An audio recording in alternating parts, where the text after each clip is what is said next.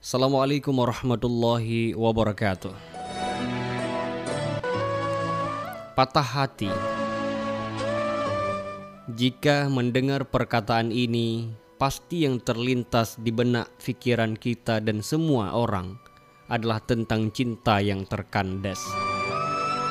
Tentang cinta yang putus sampai di sini saja.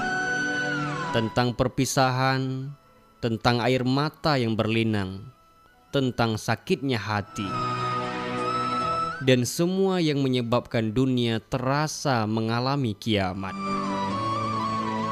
Lebih baik sakit gigi daripada sakit hati. Hati sanubari kita kadang-kadang pening mencari jawaban. Kenapakah cinta yang putus itu diberi nama patah hati? Tiada istilah lainkah yang lebih sedap tapi yang penting adalah bagaimana ketika cinta itu terkandas, ketika cinta itu tak lagi tersambung, ketika cinta itu tak lagi mau menjadi milik kita, dan ketika si dia tidak mau lagi menjadi tempat luahan hati kita.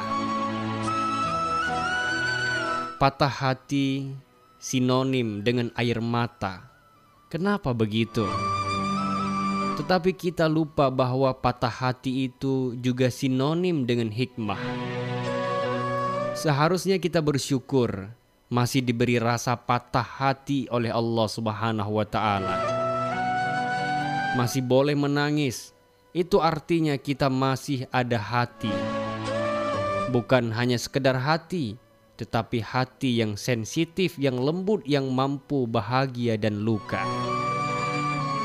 dan air mata yang mengalir ini dapat membersihkan kelopak mata kita yang kusam menjadi jernih kembali. Karena air mata yang berlinang membawa semua kotoran di mata. Menangislah karena mencintai Allah pada saat kita sendiri. Air mata semacam ini lebih bernilai pahala daripada menangisi si dia. Orang yang ditangisi pun tidak tahu kita menangis karenanya. Fabi'ayyi ala'i rabbikuma Maka nikmat yang mana lagikah yang sanggup kita dustakan? Bahkan di dalam air mata yang berlinang melalui mata ini Allah memberikan kasih sayangnya. Mungkinkah ada lagi nikmat Allah di balik kata patah hati ini?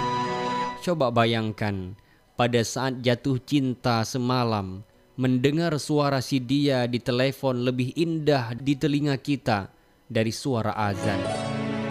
SMS mesra dari sang pujaan lebih sering kita baca berulang-ulang agar lebih memahami artinya dan lebih bergetar mencintainya.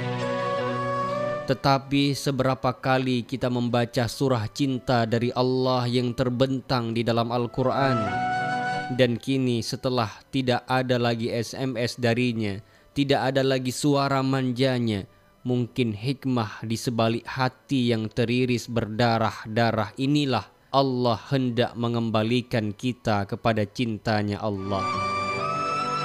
Apa ada cinta yang lebih indah dari cinta sang pemilik nafas ini?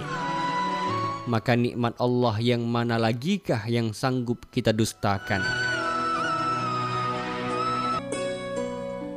Di sebalik patah hati ini, Allah menyelamatkan kita dari cinta yang salah.